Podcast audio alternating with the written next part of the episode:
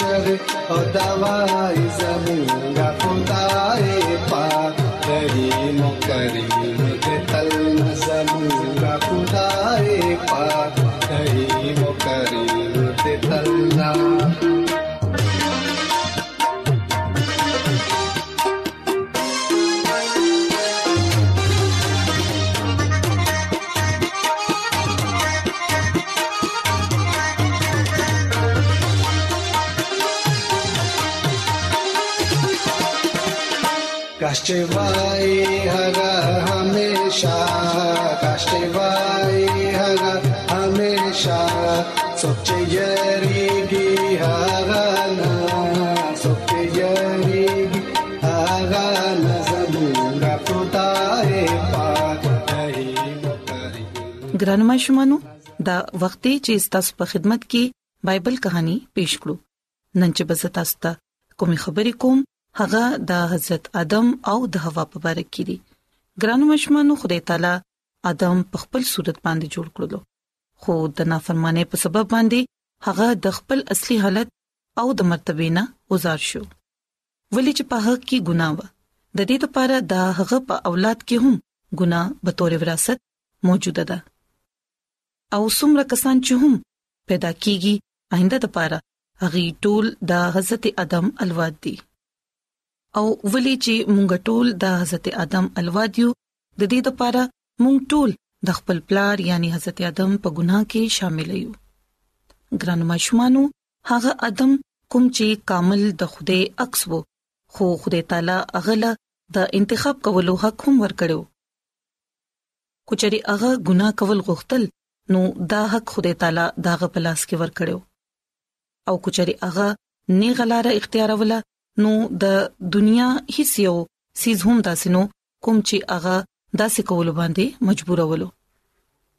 کتاب مقدس مونږ ته دا خای چې زمونږ پلار ادم او زمونږ مور حوا بیبي ابلیس دوکې سره ګناه طرف تراوستل خدای تعالی ادم او حوا ته چې دی د مخ کې نه دا ویلو چې په کوم ورځ تاسو د نیکه او د بده د پیجنګلو د ونې نه تاسو چې وخوړل نو تاسو بمړ شئ نو ګران ماشومانو ابلیس کوم چې ډیر زیات مکاره او چالاک دی هغه دا پویدو چې کوچري هغه ادم او حوا له لاړ شي او د نوراني فرشته په شکل کې لاړ شي نو هغه به هغه سم د سپېجني او داغه وار به خالی لاړ شي د دې لپاره هغه د ځمکې په ځناورو کې د مار انتخاب وکړو کوم چې ډیر زیات خولي او چالاک او ابلیس چې د مار په ذریعہ کوم تقریر هوا پورې ورسو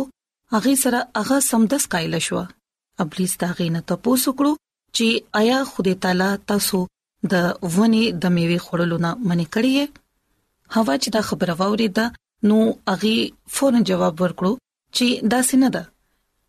خدای تعالی مونږ ته د ټولو میوه خورلو اجازه ترا کړې دي خو هغه مونږ ته دا ویل دي چې تاسو به د باغ په منځ کې چې کومه ونه ده د نیکه او د بده د پیجنګلو ونه دا غي نه تاسو نشي خورلې ګرانو ماشومانو کله چې ابلیس تاو قتل چې یو کس دا غي خبره اوري او دراس خبري چې دی نو هغه هغه ته لګیا دی بیانې نو هغه دا سوچ وکړو چې راځي چې دی په ګناه کې واچو نو دغه سي خدای تعالی په خلاف ابلیس ته د کفر ویلو موقع بلاس ورغله او هغه رومبه دروغ ویل او هوايي گمراه کړل او هغه ته دا ویل چې تاسو بچره هم نمړ کیږئ ګران ماشومانو عیسی مسیح د ابلیس په اړه کې فرمای چې هغه دروغجن دی او د دروغجنو پلار دی هغه قاتل دی نن سبا موږ په دنیا کې ګورو چی ابلیس څنګه خلک په دروغ ویلو باندې او په قتلونو کولو باندې آماده کوي نو زکه ګرانو ماشومانو مونږ ته هم پکار دي چې مونږه د دروغو نه ځان وساتو ولی چې زمونږه کلام مقدس په بایبل مقدس کې د لیکل دي چې ابلیس چې دی هغه د دروغ جنو پلار دی نو زکه مونږ ته دا پکار دي چې مونږه د دروغونه ځان ساتو او خپل خوښه نظر واچو کوم چې داسې خلک کی په کار دي چې موږ اغي سره هیڅ قسمه تعلق ونه ساتو او بیا ابلیس هوا ته دا هم ویل چې په کوم ورځ چې تاسو د دې ونین میوه نه اوخره نو تاسو سترګې په کلاو شي او تاسو به د خدای تعالی په شان جوړ شئ ګران مشمانو دلته کې ابلیس خدای تعالی په ذات باندې هم حمله وکړه چې هغه یو ظالم حکمران دی هغه نور څوک خپل برابر قتل نه غواړي او هغه هیڅ سره مینا نه کوي ځکه هغه تاسو د نیکه او د بده د پیژنګلو د ونی نه منې کړی او دغه شان هغه ادم او د هوا په ذهن کې د خدای تعالی په باره کې شک پیدا کړو نو ګرانو مشمانو دغه سي مونږ ته نن سبا پکار دي چې مونږه د خپل کلام سټډي کو خپل کلام باندې عمل کو د دروغو نه ځان ساتو او د خپل خدای تعالی په حکمونو باندې عمل وکړو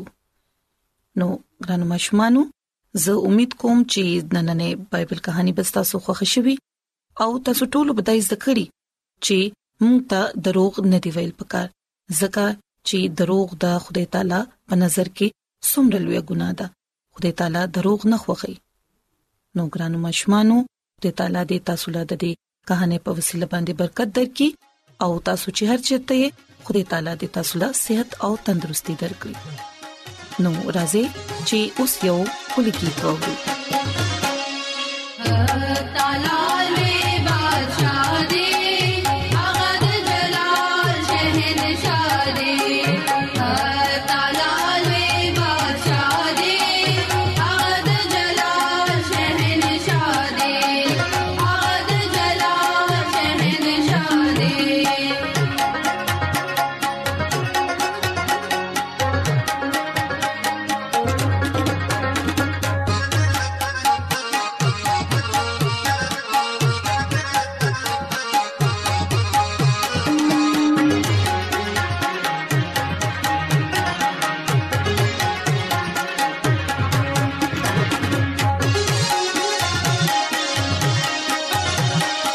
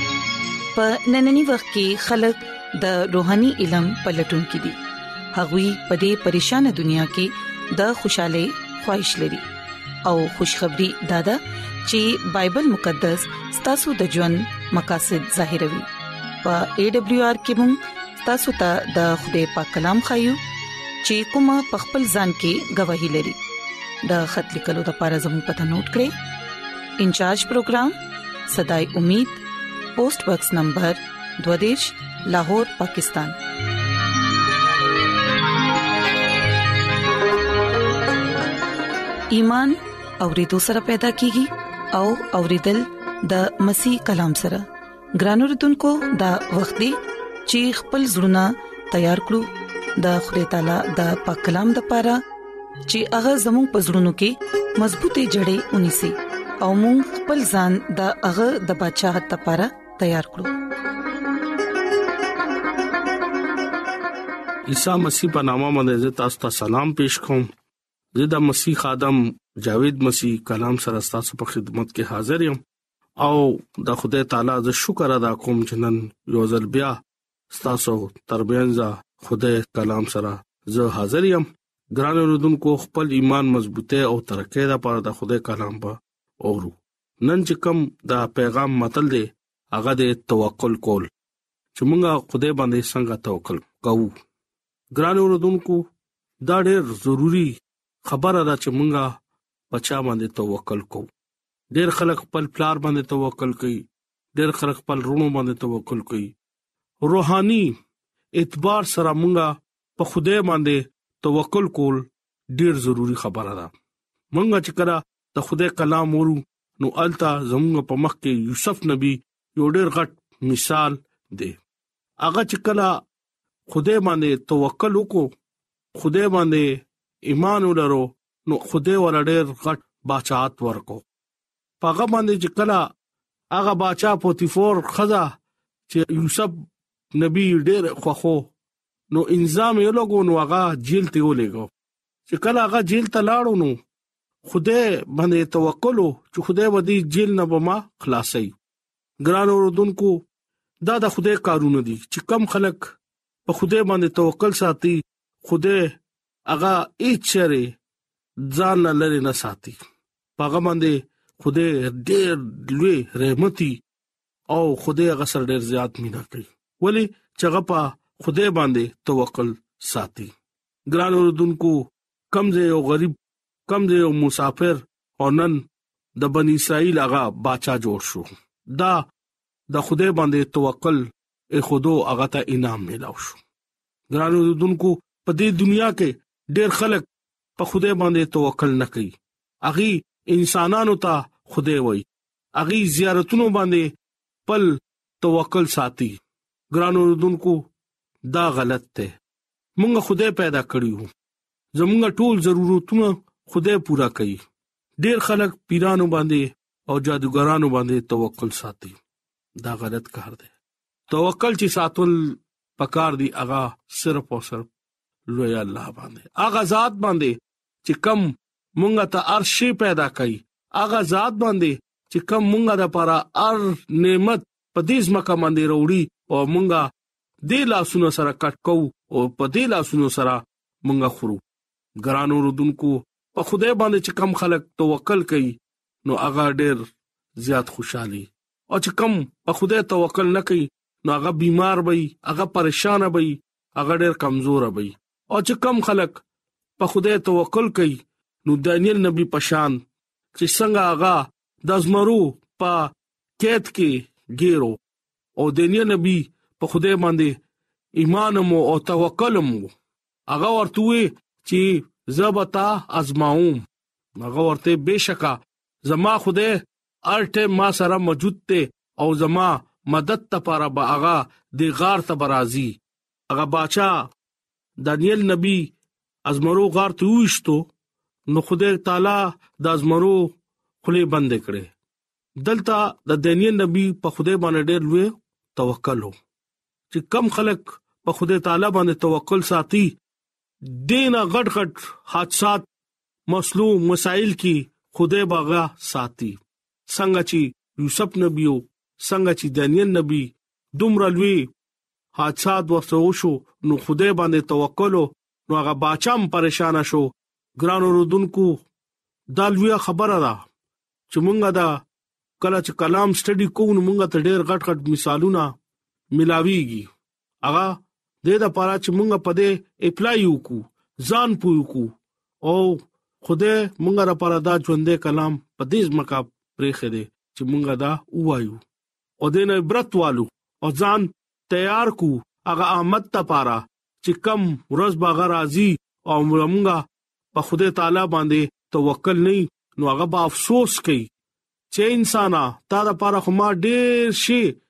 او ډېر نعمتونه او دا دنیا دا چرنده دا ارس ما تا د پاره پیدا کړو تا زما باندې توکل ونکو زما رونو خدای باندې توکل کوي ګرانو رودونکو زه تاسو نه اپیل کوم چې صرف او صرف په خدای باندې توکل وساته یقینا دا پیغام بس تاسو ډیر زیات خوښ شوي دا پیغام نه تاسو نصیحت وکړي چې زمونږ ته پکار دي چې موږ خدای باندې توکل وساتو چې کله موږ خدای باندې توکل ساتو د خدای نه غواړو ایمان سره نو زمونږ کور کې نه بيماري وي نه سم مشکلات پي ولې چې سم کوي خدای کوي او خدای باندې چې کم خلک توکل ساتي خدای هغه چرم شرمنده کوي نه خدای دا غي عزت ساتي ولی خدای چې زمونږ دې اغا داسې خدای دې چې په مونږ باندې ساده راچی پردي اچي او زمونږ خدای د ټولو نه لوی خدای دې اغا دې دنیا او کل جهان جوړ کړی دی ګران اوردونکو زه تاسو نه توقع کوم چې تاسو په خدای باندې مکمل توکل کوئ او تاسو نه دې طرف ته ځي او نه آ طرف ته هميشه خوده لار ته ګوره خوده باندې توکل ساته هغه دا وی چې کم خلک په ما باندې ایمان وروړي زبا پاغه باندې وسکم برکت پاچ ګرانو دنکو زه تاسو نه دا امید کوم چې تاسو دا پیغام ضرور به ځان باندې با اپلای کوي او خدای به تاسو ته برکت درکړي امين راځي چې دعا وغوړو اے زمونږ خدای مونږ ستاسو شکر گزار یو چې ستاسو د بندا په وجبان دي ستاسو په کلام غوړې دو مونږ لا توفيق راکړي چې موږ دا کلام په خپل زړونو کې وساتو او وفادار سره ستاسو حکمونه ومنو او خپل ځان ستاسو د بدشاهت لپاره تیار کړو زه د خپل ټولو ګران وردونکو لپاره دعا کوم چې چرپاغوي کې سګ بيمار وي پریشان وي یا په سمصيبت کې وي دا وي ټول مشکلات لری کړی د هر څه د عیسی المسی پنامه باندې وړم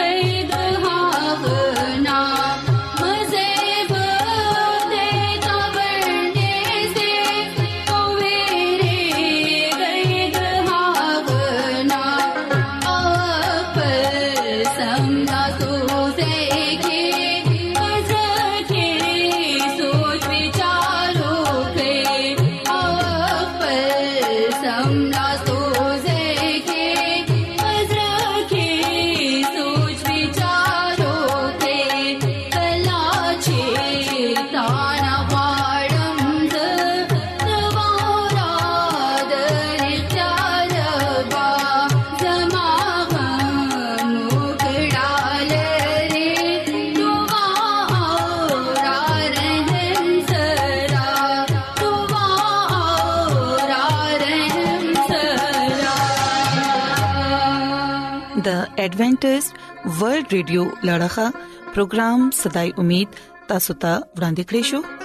مونږه امید لرو چې تاسو به زموږ نننې پروګرام خوښیوي ګران اوردونکو مونږه دا غواړو چې تاسو مونږ ته خاطري کې او خپل قیمتي رائے مونږ ته ولي کې ترڅو تاسو د مشورو په ذریعہ باندې مونږ خپل پروګرام نور هم بهتر کړو